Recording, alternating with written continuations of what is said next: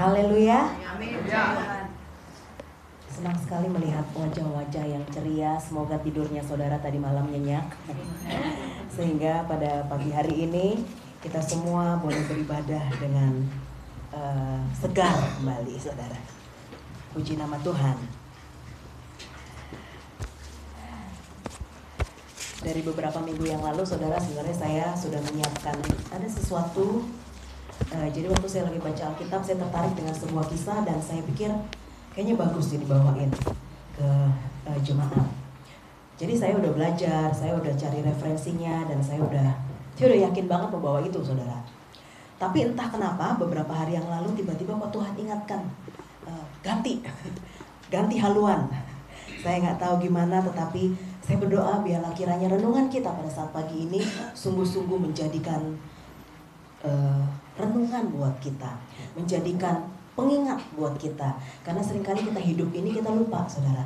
Kita tahu banyak teori, tetapi ketika menjalaninya kita lupa teori mana yang mau dipakai. Jadi saya berharap biarlah firman Tuhan pada saat ini sungguh-sungguh menjadi pegangan kita karena Tuhan sebentar lagi mau datang dan kita harus mengetahui banyak hal. Puji nama Tuhan, kita buka Alkitab kita dalam kitab Daniel pasalnya yang kelima Daniel pasalnya yang kelima ayat yang ke-25 sampai 28. Daniel 5 ayat 25 sampai 28 kalau dapat kita baca ya. Ya, saya baca di sini, saudara baca sendiri. Maka inilah tulisan yang tertulis itu, menei menei tekel ufarsin. Dan inilah makna perkataan itu, menei Masa pemerintahan tuanku dihitung oleh Allah dan telah diakhiri.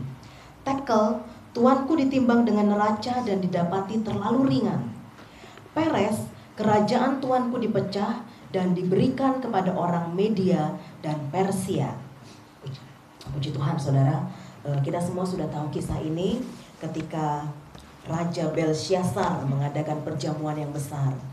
Saudara Raja Belshazzar ini adalah raja yang uh, apa namanya Raja Babel. Kemudian dia mengangkut segala perkakas bait suci. Dan kemudian mereka mengadakan perjamuan yang besar dan mereka minum-minum, mereka memakai segala perkakas emas perak yang diambil oleh oh oleh bapaknya maaf maaf dari dari bait suci saudara. Kemudian mereka berpesta, mereka bersenang-senang dengan perkakas dari bait suci. Tiba-tiba ada suatu tangan yang menulis di dinding dan tidak ada yang tahu apa arti uh, tulisan di dinding itu saudara.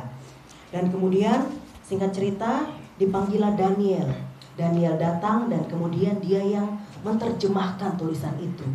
Menei, menei, tekel ufarsin. Saya juga nggak tahu ngomongnya benar apa enggak, karena e yang dikasih conteng itu apa ya saudara.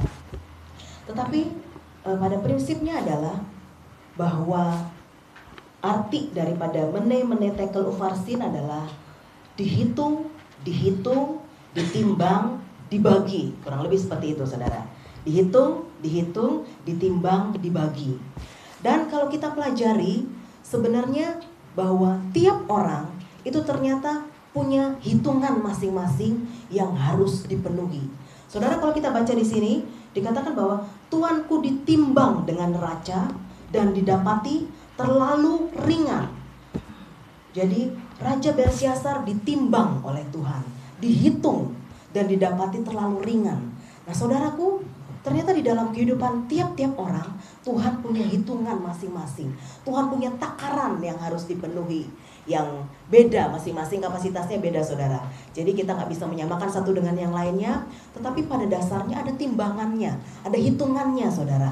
Kalau saudara baca dalam Daniel 8 nggak ada, uh, kalau dalam terjemahan bahasa Indonesia nggak ada, tetapi di sana dikatakan ada seorang malaikat yang bernama Palmoni. Tugasnya adalah menghitung, saudara. Jadi uh, apa seorang yang kudus bertanya kepada malaikat Palmoni berapa lama? Kemudian dia bilang 1200 sekian gitu. Jadi tugasnya adalah menghitung, menghitung sejarah, menghitung hari, menghitung segalanya dihitung, Saudara. Jadi kalau kita lihat ternyata bahwa hitungan ini penting dalam Alkitab. Kalau kita baca dari awal sampai akhir, Alkitab kita ini penuh dengan hitungan, Saudara. Jadi ada seorang ahli uh, saya nggak tahu dia ahli matematika atau apa dia menghitung menggunakan bahasa Ibrani itu kan setiap angka ada hitungannya. Semua katanya semua ayat itu kalau dipelajari ada hitungannya. Saya baca aduh nggak ngerti deh pusing. Karena semuanya lengkap hitungannya tepat. Jadi saudara kalau di dunia ini ada matematika ternyata di sorga juga ada kalau saudara mungkin di dunia ini pusing dengan hitung-hitungan, jangan mati dulu saudara. Di sorga banyak hitungannya, pusing saudara. Wah ngerti ya di dunia aja, hitungannya lebih gampang. Barangkali seperti itu ya. Karena ternyata di sorga ada malaikat yang tugasnya menghitung. Jadi dalam hidup kita tiap hari saudara kita ini dihitung. Jadi kita perlu melihat ke dalam diri kita, apakah seperti Belsiasar dikatakan masa pemerintahan Tuanku dihitung oleh Allah. Hidup kita dihitung oleh Allah dan ditimbang oleh Tuhan. Apakah didapati cukup seimbang ataukah berat sebelah ataukah terlalu ringan? Nah, Bapak Ibu Saudara, di dalam kehidupan kita rupanya kita perlu melihat bahwa Tuhan itu Tuhan yang menghitung. Jadi jangan saudara pikir wah Tuhan penuh kasih karunia. Tuhan penuh dengan kemurahan. Jangan lupa Tuhan punya hitungan. Tuhan punya timbangan. Tuhan punya takaran yang harus kita penuhi. Kalau kita baca dalam Mazmur 56 ayat 9, pemazmur mengatakan, "Sengsaraku engkaulah yang menghitung-hitung. Air mataku." Oh, kita baca aja Saudara. Saya nggak hafal. Nggak hafal ternyata. Mazmur 56 ayatnya yang ke-9. Sengsaraku engkaulah yang menghitung-hitung. Air mataku kau taruh ke dalam kirbatmu.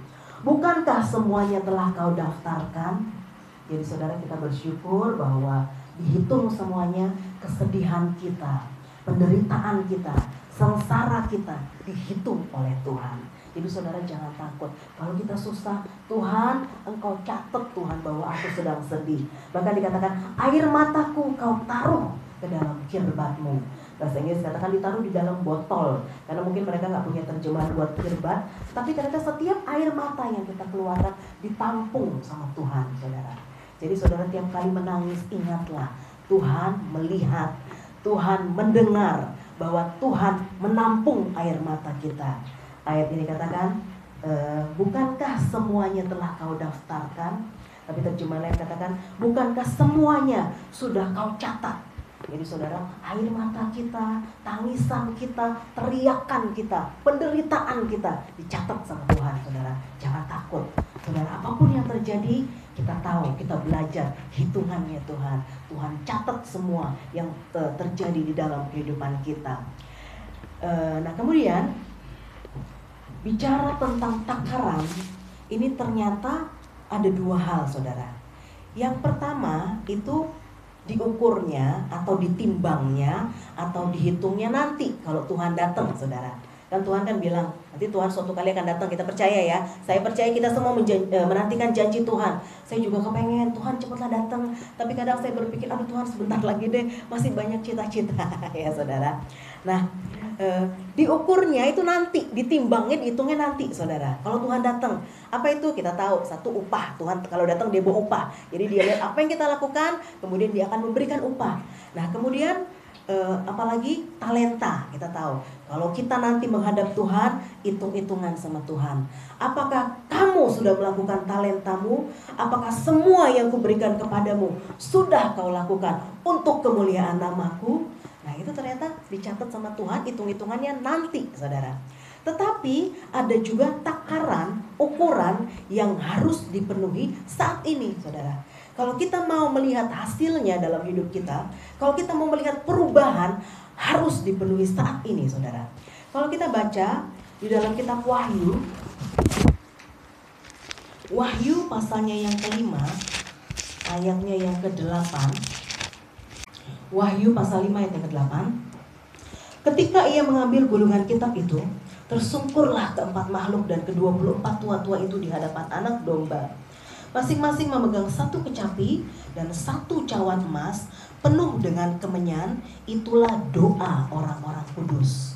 Jadi saudara di sorga ada ke-24 tua-tua dan ada empat makhluk yang bayangan daripada Yesus sendiri. Kemudian mereka tersungkur di hadapan anak domba. Mereka memegang apa? Satu kecapi dan satu cawan emas. Satu cawan emas ini penuh dengan kemenyan, itulah doa orang kudus. Jadi saudara ternyata di sorga sana ada cawan, isinya doa kita. Jadi kalau saudara berdoa, kadang saudara berpikir, Tuhan doaku didengar apa enggak? Didengar saudara. Doaku dijawab apa enggak? Entahlah saudara ya. Karena kebijakannya Tuhan. Kalau Tuhan anggap oh baik Tuhan kasih. Tapi kalau enggak mungkin enggak saudara kita enggak tahu. Tetapi yang kita tahu adalah di sorga tua-tua ini pegang cawan emas penuh dengan kemenyan. Itu doa kita saudara. Jadi setiap doa yang kita naikkan itu masuk ke dalam cawannya Tuhan. Jadi jangan kita berpikir bahwa doa kita tidak dijawab doa kita nanti dulu.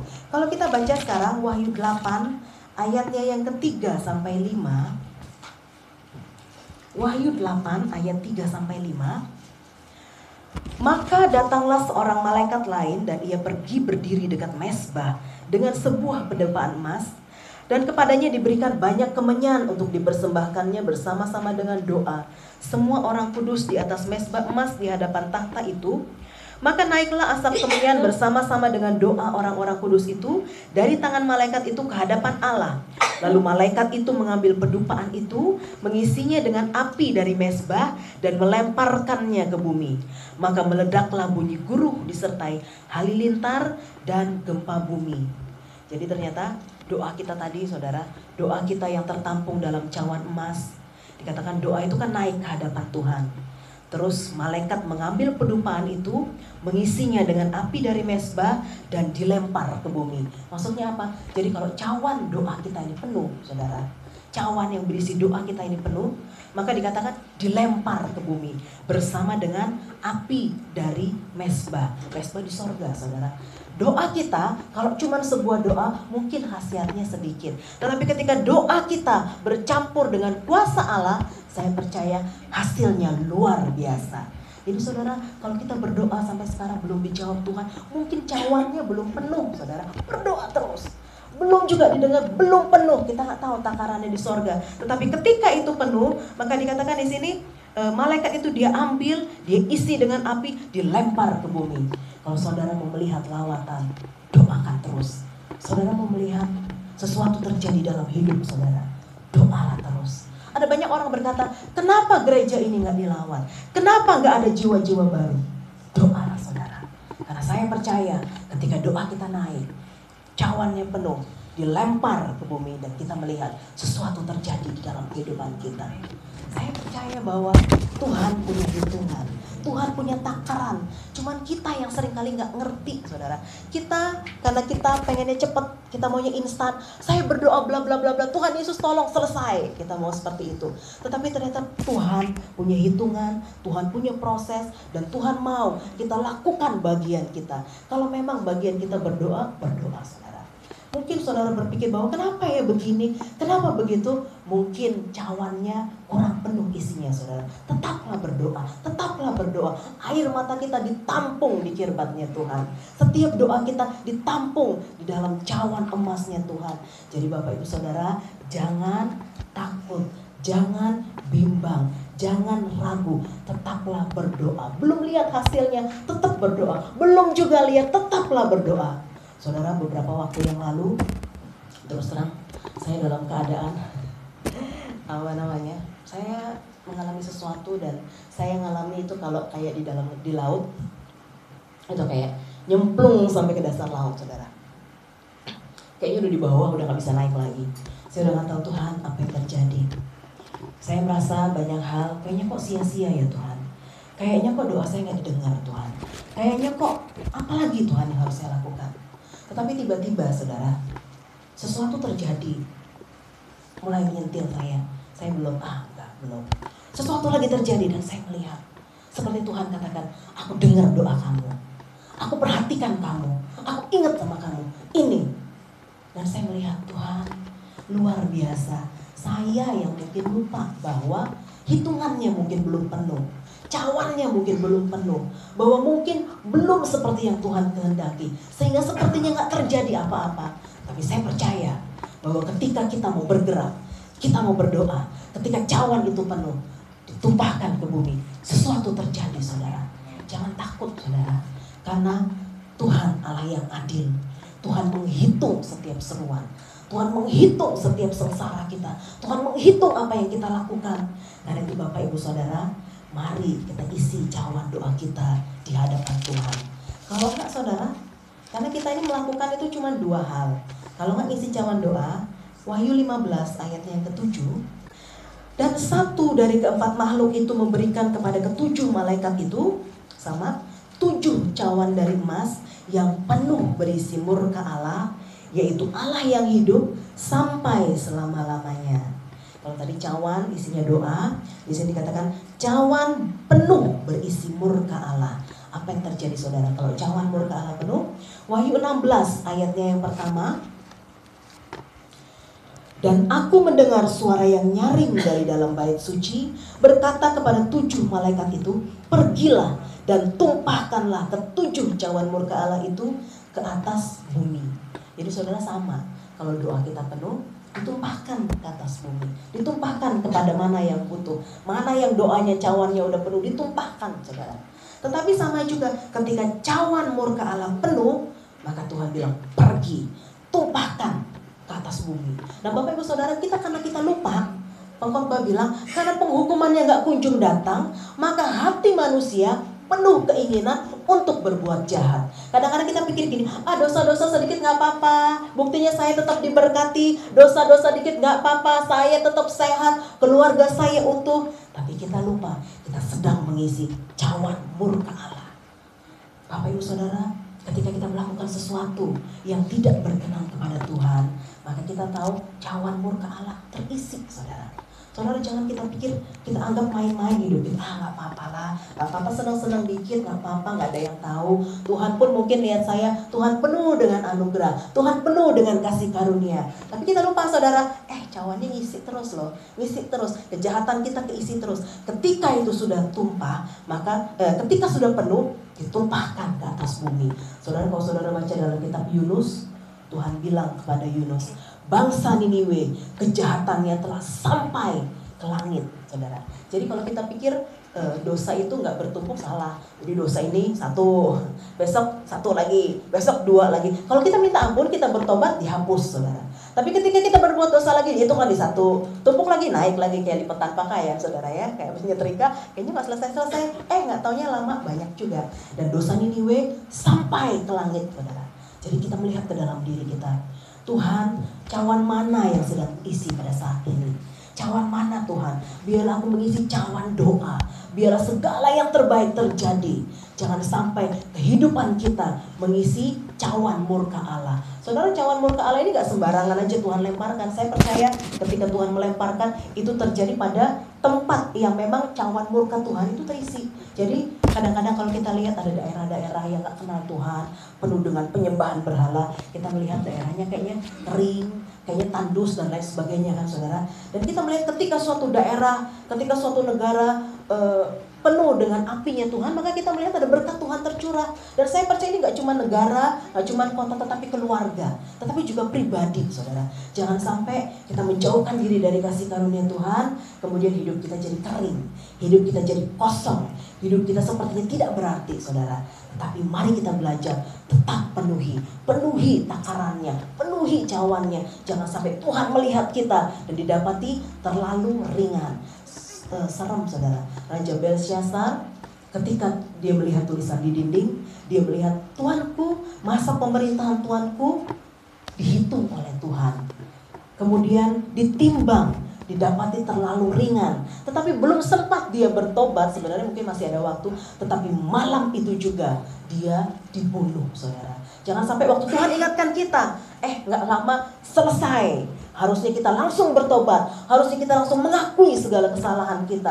Tetapi kadang kita pikir, ah nggak apa-apa, nggak apa-apa. Tuhan penuh kasih karunia, selesai, saudara. Kita nggak punya waktu lagi. Karena itu Bapak Ibu Saudara, mari kita belajar, kita mengenal kasih karunia Tuhan, tapi kita juga mengenal kekerasannya Tuhan, murka Tuhan. Nah sekarang kita belajar, saudara. Gimana sih cara memenuhinya? Ya yang pertama berdoa. Alkitab kita mengatakan yang terkenal saudara nggak usah baca satu Tesalonika 5 ayat 18 katakan tetaplah berdoa saudara berdoalah untuk keluarga berdoalah untuk gereja berdoalah untuk kota saudara berdoa untuk bangsa kita, berdoa untuk jiwa-jiwa. Saudara mungkin berpikir, ngapain saya berdoa buat kota? Udah banyak yang berdoa. Ngapain saya berdoa buat bangsa? Sudah banyak yang berdoa. Saudara jangan salah, saudara, bahwa kalau kita belajar, ketika sebuah undang-undang dilepaskan yang tidak sesuai dengan kehendak Tuhan, yang merugikan kita, ya, yang membahayakan kita, yang rugi siapa? Ya kita semua. Waduh, dan ini undang-undangnya begitu ya. Kok tetapi kenapa saudara itu terjadi? Karena kita lupa untuk berdoa buat bangsa kita, untuk undang-undang yang dikeluarkan, untuk pemimpin-pemimpin kita. Jadi saudara, mari kita belajar berdoa buat bangsa. Kenapa kita perlu berdoa buat kota? Ya karena kota juga sama. Ketika sesuatu terjadi, ketika terorisme mulai masuk ke Tegal misalnya, dia mulai melipir dari kabupaten tetapi kita lupa untuk berdoa dan Tuhan melihat wah ini nggak ada yang berdoa ya wes. Kata Tuhan ya udah walaupun bukan kehendak Tuhan tapi Tuhan izinkan terjadi. Karena itu Tuhan katakan berdoalah untuk kesejahteraan kotamu karena kesejahteraannya adalah kesejahteraanmu. Jadi Bapak Ibu Saudara kita belajar berdoa buat kota berdoa buat lingkungan tempat tinggal kita. Karena tiba-tiba ada teroris tinggal di sebelah kita kalau kita nggak berdoa eh bisa terjadi sesuatu saudara. Berdoa tapi gimana caranya? Ya berdoa gimana supaya uh, karena Tuhan katakan bahwa kamu diberi kuasa untuk menolak apa pun yang membahayakan kamu. Jadi kita semua punya kuasa untuk menolak yang membahayakan kita. Itu pentingnya berdoa. Jangan saudara pikir ya berdoa ya tugasnya berdoa buat orang-orang yang aktif-aktif. Saya mah enggak. Eh tahu-tahu nanti teroris tinggal di sebelah saudara. Waduh hancur saudara. Kenapa Tuhan izinkan? Karena kita lupa untuk berdoa saudara, keluarga saudara yang belum kenal Tuhan doakan. Kalau mereka kenal Tuhan karena doa saudara, mahkotanya buat kita. Ya kan? Kita kadang lupa kita pikir ya urusannya lah nggak mau ya udah dia kan punya agama sendiri biarin aja tapi tetap doakan. Tetapi saudara, ketika kita nggak tahu mau ngomong apa, saudara, berdoalah. Tuhan yang lakukan bagiannya. Eh kalau mereka mengenal Tuhan, karena doa saya saya dapat mahkota loh saudara. Jadi saudara apa pun yang terjadi lakukan seperti itu. Saudara mungkin punya sahabat, saudara berdoa buat dia. Saudara belajar kalau selama ini kita kita berdoa buat kesusahan kita. Tuhan tolong keluargaku, tolong usahaku, tolong kesehatanku, tolong anakku, tolong suamiku, tolong istriku. Semua tentang kita saudara. Kita belajar berdoa buat orang lain. Saudara tahu ketika orang itu berhasil, nggak tahu usahanya maju, nggak tahu dia naik pangkat, nggak tahu gimana sesuatu terjadi, pokoknya maju usahanya. Saudara tahu, sukacitanya yang saudara rasakan itu lebih besar daripada orang yang alami. Percaya atau enggak? Coba kalau nggak percaya. Tapi itu benar. Jadi ketika saudara dengar, eh tahu nggak? Ini ya begini-begini, keluarga aku begini. Saudara bisa bilang sama Tuhan, gak usah ngomong sama orangnya. Tuhan, sedikit banyak ada doaku loh di dalam usahanya yang berhasil. Saudara bisa ngomong gitu sama Tuhan. Tuhan menghitung, saudara. Hitung masuk dalam jawaban Tuhan. Jadi belajar. Selama ini mungkin kita berdoa cuma buat masalah kita aja. Masalah gak selesai-selesai berdoa, suruh berdoa buat orang lain. Belajar saudara. Kalau kita berdoa buat orang lain, masalah kita diselesaikan Tuhan. Loh saya ngomong gini karena saya lagi belajar juga. Jadi saudara jangan kira saya ini hebat? Enggak. Saudara saya juga lagi belajar. Kadang juga kalau berdoa lupa sama orang lain. Kadang seperti itu. Tetapi ada kalanya ketika saya ingat benar-benar Tuhan tolong ini. Tolong ini Tuhan. Tolong si ini Tuhan. Belajar saudara. Karena apa pun yang terjadi Tuhan perhitungkan buat kita. Yang pertama doa ya. Kemudian yang kedua yang berat yang susah untuk kita lakukan adalah berpuasa. Saudara di dalam setiap agama kita tahu bahwa ada yang namanya puasa bagian dari ibadah. Tetapi kita terus terang sebagai anak-anak Tuhan karena kita merasa ah Tuhan penuh dengan berkat ngapain kita berpuasa? Malas saudara benar nggak? Ada kalanya, aduh Tuhan puasa. Baru jam 10 udah ngantuk, udah lapar, udah teler, udah lemes ya. Benar lah saudara. Tetapi tahukah saudara bahwa puasa dapat membalikan keadaan ketika saudara berpuasa merendahkan diri jadi Tuhan bilang dalam Yesaya berapa saya Tuhan bilang, ketika kamu berpuasa jangan urus urusanmu, tetapi rendahkanlah dirimu di hadapan Tuhan. Seringkali kita puasa, kita masih itu itu. Tuhan aduh gimana ya ini ya? Kita ngurus urusan kita ngublek aja nggak selesai, saudara. Tetapi kita belajar berpuasa, merendahkan diri di hadapan Tuhan. Kita ingat kisah yang sangat terkenal Niniwe mau dihancurkan oleh Tuhan karena kejahatannya telah naik sampai ke langit. Tetapi mereka merendahkan diri. Semua orang, tua, muda, besar, kecil, perempuan, laki-laki, bahkan seluruh ternak berpuasa dan ketika Tuhan melihat Tuhan menyesal, saudara. Apa pun yang kita lakukan, saudara kalau saudara mau membalikkan keadaan, belajar berpuasa, saudara. Belajar puasa, anak Tuhan belajar berpuasa. Jadi jangan, aduh capek Tuhan, aduh gimana ya udah lapar Tuhan belajar. Gak apa-apa, saudara mungkin pertama nggak bisa puasa makan dan minum ya udah puasa makan minumlah tetap. Gak apa-apa, saudara namanya belajar kok, ya kan? Kalau gimana caranya? Pokoknya saya pengen belajar Tuhan. Nggak kuat Tuhan sampai sore sampai jam 12 siang. Belum kuat belajar sampai jam 10 belajar saudara. Namanya membalikan keadaan. Kadang-kadang anak Tuhan gini karena penuh dengan berkat senang-senang. Nanti ketika Tuhan lihat wah ini kayaknya disuruh doa angel disuruh puasa angel kasih prek dikasih masalah yang berat. Baru kita datang nangis-nangis sama Tuhan. Nah itu yang Tuhan kehendaki saudara. Jadi jangan tunggu masalah ada baru kita berdoa dan berpuasa. Tetapi kita bilang Tuhan aku mau Tuhan mengisi mengisi cawanku. Aku mau mengisi takaranku. Apa Tuhan yang harus kupenuhi? Itu yang akan kulakukan. Belajar saudara. Kita juga ingat kitab Esther ketika ketika Haman ingin memunahkan bangsa Yahudi. Kemudian Esther bilang, berpuasalah, aku juga akan berpuasa. Dan apa yang terjadi? Yang tadinya mau dibinasakan saudara, mereka berbalik untuk membinasakan. Siapa pun yang ingin menghancurkan kami wah Tuhan beri kebebasan. Bahkan mereka boleh merampasi. Wah terjadi sesuatu pembalikan keadaan. Jadi Bapak Ibu Saudara anak-anak Tuhan belajar. Kalau saudara pengen ada sesuatu yang baik terjadi dalam hidup saudara belajarlah berpuasa saudara. Baik kita sampai yang ketiga. Apa yang perlu kita isi di dalam ukuran kita? Doa puasa dan penyembahan Saudara, eh, kadang-kadang saudara berpikir, aduh saya nggak punya waktu untuk menyembah Tuhan. Sebenarnya banyak. Saudara sambil masak bisa menyembah Tuhan kan, nyanyi. Nyanyi kalau sungguh-sungguh, saya nggak bisa ngomong apa, nyanyi aja lagu yang saudara suka sambil masak dengan hati yang sungguh-sungguh, itu menyembah Tuhan ya kan? Atau mungkin saudara lagi naik motor di jalan sambil menyembah Tuhan bisa. Kapan pun, karena Tuhan kita nggak Tuhan yang hitung dengan waktu. Harus berdoa jam 3 pagi, harus berdoa jam 9 malam nggak ada. Anak Tuhan kita bersyukur kapan pun Tuhan selalu dengar, saudara. Jadi kita belajar untuk menyembah Tuhan. Nah, masalahnya adalah dengan penyembahan ini, sering kali kita berpikir bahwa penyembahan ini berhubungan dengan nyanyi, dengan musik. Ketika saya datang ke gereja, saya menyanyi, saya menaikkan pujian, nah itulah saya menyembah Tuhan. Padahal salah saudara. Dalam hidup kita penyembahan seharusnya adalah sikap hati kita. Kalau kita melihat dalam Alkitab, penyembahan pertama kali ditulis bukan ketika Kain dan Habel mempersembahkan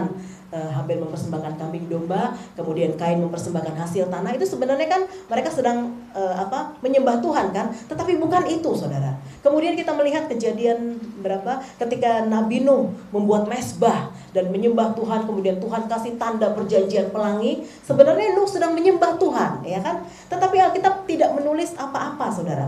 Penyembahan itu yang pertama kali ditulis adalah ketika Abraham mempersembahkan Ishak, Saudara. Jadi kadang-kadang kita berpikir bahwa penyembahan itu ketika kita bernyanyi saja, ketika kita berdoa saja, oh menyembah Tuhan, oh berbahasa roh. Kita sering kali berpikir bahwa itu menyembah Tuhan ketika kita berbahasa roh. Aduh gimana saya nggak bisa berbahasa roh, berarti saya nggak bisa menyembah Tuhan. Saya nggak bisa berdoa, berarti saya nggak bisa menyembah Tuhan. Bukan seperti itu saudara. Tetapi penyembahan adalah sikap hati kita yang mau turut kehendak Tuhan. Abraham ketika dia bilang kami akan pergi sembahyang itu dikatakan kami akan pergi menyembah Tuhan. Saudara, penyembahan kita adalah sikap hati ketika kita mau meletakkan kehendak Tuhan lebih dari segalanya, Saudara. Kalau kita baca dalam Lukas 5, Tuhan berkata kepada murid-murid, kepada Simon Petrus, "Bertolaklah ke tempat yang dalam, tebarkanlah jalamu." Kemudian Simon Petrus bilang gini, Guru sudah sepanjang malam kami bekerja keras. Kami sudah melakukan segalanya. Kami nggak dapat apa-apa. Tetapi karena engkau yang menyuruhnya, kami akan melakukannya. Itulah penyembahan yang sejati saudara. Aku nggak mau Tuhan. Tapi karena engkau yang menyuruhnya, aku akan melakukannya. Bapak ibu saudara sering kali kehendak Tuhan itu kalah dalam hidup kita. Sama apa? Sama harga diri. ya kan? Sama harga diri kita. Sama egoisme kita sama kebencian kita. Tuhan bilang ampuni, maafkan. Gak bisa Tuhan, terlalu luka Tuhan, gak bisa. Harga diri di atas, kehendak Tuhan di bawah. Bapak Ibu Saudara di dalam kehidupan kita penyembahan kepada Tuhan adalah sikap hati kita yang mau taat kepada Tuhan. Ada sebuah ayat yang sangat terkenal kita baca dalam surat An-Filipi pasalnya yang kedua. 2 ayat 5 sampai 7. Hendaklah kamu dalam hidupmu bersama menaruh pikiran dan perasaan yang terdapat juga dalam Kristus Yesus yang walaupun dalam rupa Allah tidak menganggap kesetaraan dengan Allah itu sebagai milik yang harus dipertahankan, melainkan telah mengosongkan dirinya sendiri dan mengambil rupa seorang hamba dan menjadi sama dengan manusia. Ayat yang ke berapa nih ya? 6 ya yang menjadi uh, apa namanya? Uh, uh, apa sentral fokus kita uh, Filipi 2 ayat yang ke-6 walaupun dalam rupa Allah tidak menganggap kesetaraan dengan Allah itu sebagai milik yang harus dipertahankan. Saudara kadang-kadang kita kalah dalam kehidupan karena apa? Karena kita mempertahankan sesuatu. Gak bisa ini milikku ini bagianku ini hakku ini jatahku. Gak bisa. Ini harga diriku yang dipertahankan. Saudara ada kalanya Tuhan inginkan lepaskan Udah nggak usah, nggak usah takut kehilangan jatah dari Tuhan nggak usah. Tuhan katakan bahwa Tuhan uh, apa Mazmur 16 katakan engkau tali-tali pengukur jatuh di tempat yang permai. Tuhan bilang seperti itu saudara. Jadi jangan takut sebagai anak Tuhan. Walaupun kita mungkin sepertinya dapat jatah yang jelek, nggak bagus Tuhan bisa rubah jadi yang terbaik saudara. Jadi dalam hidup kita jangan pertahankan, pertahankan harga diri, pertahankan kemarahan kita, pertahankan apalagi banyak hal kita pengen pertahankan, nggak bisa. Tetapi saudara hukum kebahagiaan ini ditulis oleh seorang yang apa namanya? Oke, saya cerita sedikit. Jadi dia seorang penulis buku tentang kebahagiaan jadi dia cerita begini, saya ini udah berkali-kali berkali-kali hidupnya jatuh katanya. Maksudnya jatuh, jatuh miskin, karir nggak ada, keluarga kacau balau. Pokoknya saya ini hidupnya sah banget kata dia. Kemudian saya heran sama tetangga saya kata dia. Tetangga saya ini kayaknya selalu bahagia, selalu gembira. Padahal dia lagi ngurus perceraian, anaknya nggak tahu di mana, karirnya juga nggak jelas. Kok dia selalu gembira gitu. Suatu kali kami ketemu katanya di supermarket, kemudian dia bilang, eh tahu nggak tahu nggak, mobil saya tadi meledak, ya ampun gimana ini ya, mobil saya meledak, saya nggak punya mobil lagi, saya pulangnya naik apa gitu. Tapi kok ceritanya kok enteng banget gitu loh. Kemudian katanya, saya nggak tahan, saya tanya, heh kamu kenapa sih, kamu tuh banyak masalah, tapi kok kayaknya gembira terus. Jawaban orang ini apa? Saya capek jadi orang yang nelangsa. Saya mau gembira aja terus. Ngapain nelangsa katanya? Walaupun kacau balau hidup saya, capek saya nelangsa terus. Saya mau gembira, saya mau ketawa, saya mau senang-senang katanya. Jadi apa pun yang terjadi kamu senang. Kemudian uh, iya katanya, saya mau belajar karena kebahagiaan itu pilihan. Saya memilih untuk bahagia, saya memilih untuk gembira kata dia. Kemudian si orang ini, oh benar juga ya kalau gitu. Akhirnya dia uh, dia belajar untuk gembira gimana caranya dan dia berhasil menulis buku. Saudara dia bilang gini, salah satu rahasia kebahagiaan adalah melepaskan. Melepaskan saudara. Karena ketika kita melekat, kita mempertahankan sesuatu, maka kita akan bahagia, ya kan? Sama duit, gak bisa, pokoknya ini duitku. Gak bisa, wah terikat dengan sesuatu. Kita terikat dengan seseorang yang kita cintai. Gak bisa. Pokoknya kamu gak boleh ke mana-mana. Di sini aja sama aku. Gak akan bahagia, saudara. Kita melekat dengan segala sesuatu yang kita miliki gak akan bahagia. Salah satu rahasia kebahagiaan, saya pikir benar juga Alkitab kita juga bilang kan, jangan pertahankan. Yesus statusnya anak Allah kesetaraan dengan Allah sesuatu yang hebat. Walaupun statusnya anak Allah, Yesus lepaskan saudara. Jangan pertahankan, jangan pertahankan apa-apa. Saudara mungkin pada saat ini menyimpan sesuatu, saudara melekat dengan sesuatu. Nggak boleh, ini punyaku pokoknya, nggak bisa. Saudara nggak akan bisa. Lepaskan saudara, nanti Tuhan ganti yang lebih baik saudara. Lepaskan saudara. Karena kalau memang jatahnya kita dilepaskan kayak apa? Balik ya kan? Kalau bukan dipegangin kayak apa? Ucul saudara lepas. Jadi saudara nggak usah capek-capek pegangin udah tenang aja. Tuhan kalau memang ini jatahku tetap jadi jatahku. Kalau bukan aku lepaskan ke dalam tanganmu Tuhan bisa berikan. Tuhan bisa ganti yang terbaik. Abraham melepaskan Ishak saudara. Dan dia memperolehnya kembali. Apa saudara? Ketika kita punya sikap hati yang baik, ketika kita punya karakter yang mau tunduk sama Tuhan, akibatnya apa?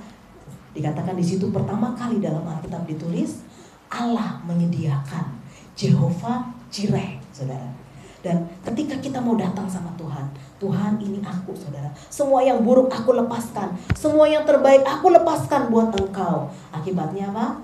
Allah menyediakan, saudara. Jadi jangan kita maunya Allah menyediakan, menyediakan, menyediakan. Giliran kita melepaskan, enggak Tuhan, ini punya aku.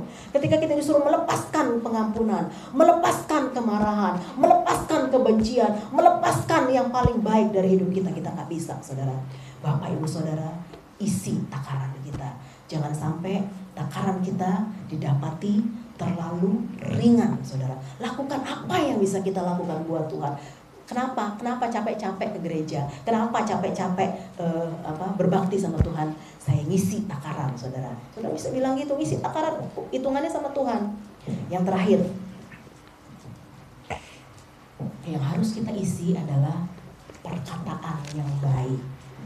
Saudara ini kita suka lupa bahwa perkataan itu ternyata ada hitungannya loh kita berpikir bahwa ya ngomong-ngomong mulut-mulutku sendiri. Aku mau ngomong apa terserah. Eh ternyata Tuhan lihat ada hitungannya saudara. Bilangan pasalnya yang ke-14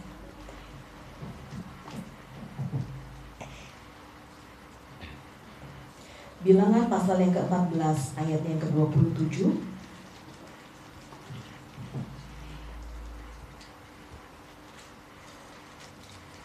Berapa lama lagi umat yang jahat ini akan bersungut-sungut kepadaku? Segala sesuatu yang disungut-sungutkan orang Israel kepadaku telah kudengar. Nah, kemudian ayat yang ke-34, bilangan 14 ayat 34, sesuai dengan jumlah hari yang kamu mengintai negeri itu, yakni 40 hari, satu hari dihitung satu tahun, jadi 40 tahun lamanya kamu harus menanggung akibat kesalahanmu supaya kamu tahu rasanya jika aku berbalik daripadamu. Saudara mungkin kita lupa, kita ini suka ngomel-ngomel, suka bersungut-sungut, tapi Tuhan bilang apa? Sungut-sungutmu aku dengar. Waduh, hati saudara. Sungut-sungut. Tuhan bilang, aku dengar sungut-sungutmu. Dan di sini bangsa Israel dibilang bahwa sesuai jumlah hari kamu mengintai negeri itu, maka kamu harus menanggung Saudara kebayang nggak? Satu sungutan setiap hari numpuk. Jangan lupa loh isi cawan. Satu sungutan lagi numpuk lagi. Minta ampun sama Tuhan. Mungkin kita pernah ngomong hal-hal yang gak enak. Mungkin kita pernah ngomong hal-hal yang menyedihkan. Minta ampun sama Tuhan. Kalau nggak dihitung saudara. Dihitung, menumpuk. Jangan sampai naik sampai ke langit saudara karena nanti dibalikan kepada kita sendiri semua sungutan yang kita naikkan sama Tuhan dihitung sama Tuhan jadi Bapak Ibu Saudara dalam kehidupan kita kita belajar bicarakan yang baik, bicarakan yang uh, yang menjadi berkat, saudara. Karena apa ya buka ayat lagi ya. Ibrani pasalnya yang ketiga, ayatnya yang pertama.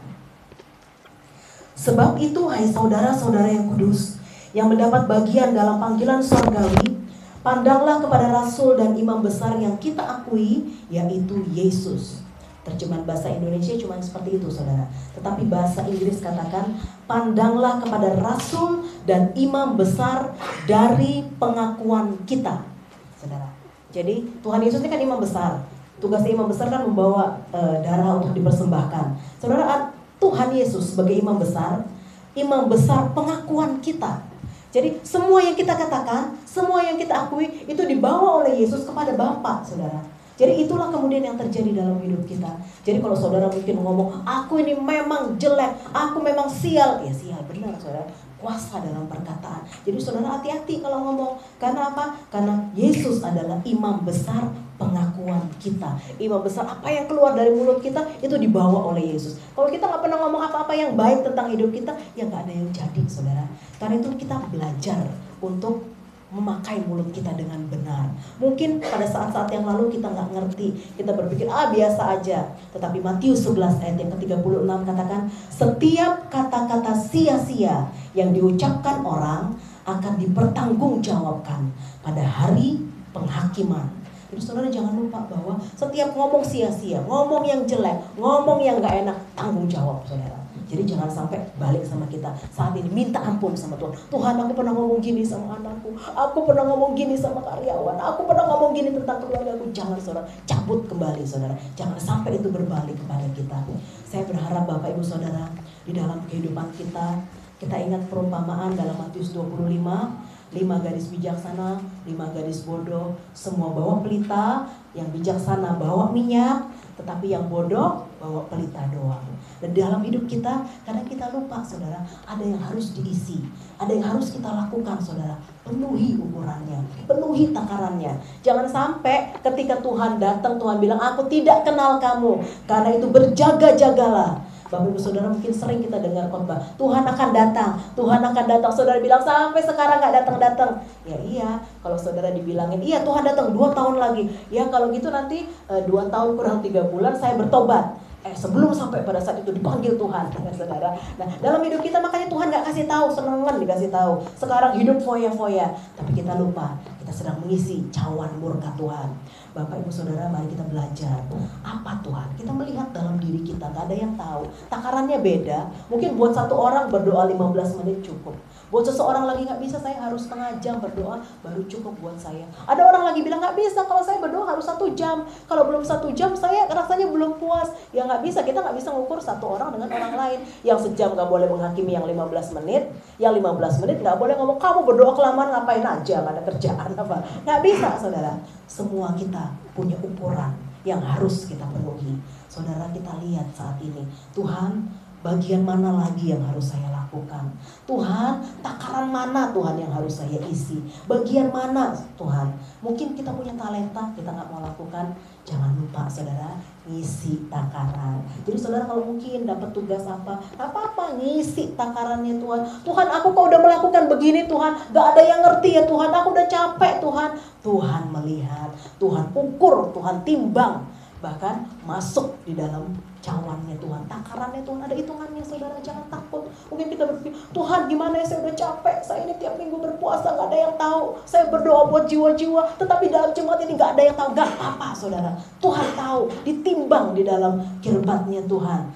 Saudara, Bapak Ibu Saudara pada saat ini, mari kita menyelidiki hati kita. Kita periksa keadaan kita. Jangan sampai ketika Tuhan lihat kita, maka Tuhan bilang, waduh terlalu ringan ini disuruh doa, nggak pernah doa. Baca Alkitab, nggak pernah baca Alkitab. Berdoa apa namanya? Datang ibadah seminggu sekali aras-aras ya kan saudara? Udah gitu dengar firman Tuhan ngantuk lagi. Dapat apa? Kata Tuhan sing mau ditimbang apa ini? Disuruh penyembahan juga apa? Semuanya dipegangi semua dicekali nggak ada semua dalam milikku. Waduh kata Tuhan. Kalau ngomong ngomongnya nggak enak terus. Tuhan pusing saudara lihat kita nanti. Yang mau ditimbang apa saudara? Jadi apa pun yang kita punya mari istilahnya sekarang apa? Nyelengi. Nyelengi saudara penuhi, penuhi takarannya. Jadi sudah kita lakukan, mari. Yang selama ini mungkin agak santai-santai, Tuhan masih lama datang, nggak apa-apa. Aku seneng, eh, saudara jangan lupa, cawan murka Tuhan keisi, keisi. Kita lupa di apa namanya dibalikkan ke bumi saudara bapak ibu saudara mari kita belajar melihat keadaan kita saudara kalau Tuhan emang mau datang kita belajar Tuhan kalau engkau datang biar aku didapati seimbang neracanya seimbang. Walaupun aku mikirin usahaku, mikirin keluarga, mikirin hidupku, aku juga mikirin pekerjaan Tuhan. Aku mikirin engkau, aku ikut kehendakmu, aku melakukan semuanya buat engkau. Bapak Ibu Saudara, mari bersama-sama kita belajar bahwa apa yang menjadi kehendak Tuhan, biarlah itu yang kita lakukan. Ayat tadi katakan apa? Dihitung, dihitung, ditimbang, dibagi Jangan sampai waktu didapati terlalu ringan, waduh nggak bisa. Jatahnya kita dibagi, saudara. Hancur, saudara. Jadi lebih baik Tuhan kalau memang ini yang harus aku lakukan. Ini jatahku dalam pelayanan. Aku ambil Tuhan. Aku lakukan Tuhan. Supaya aku penuhi cawanku.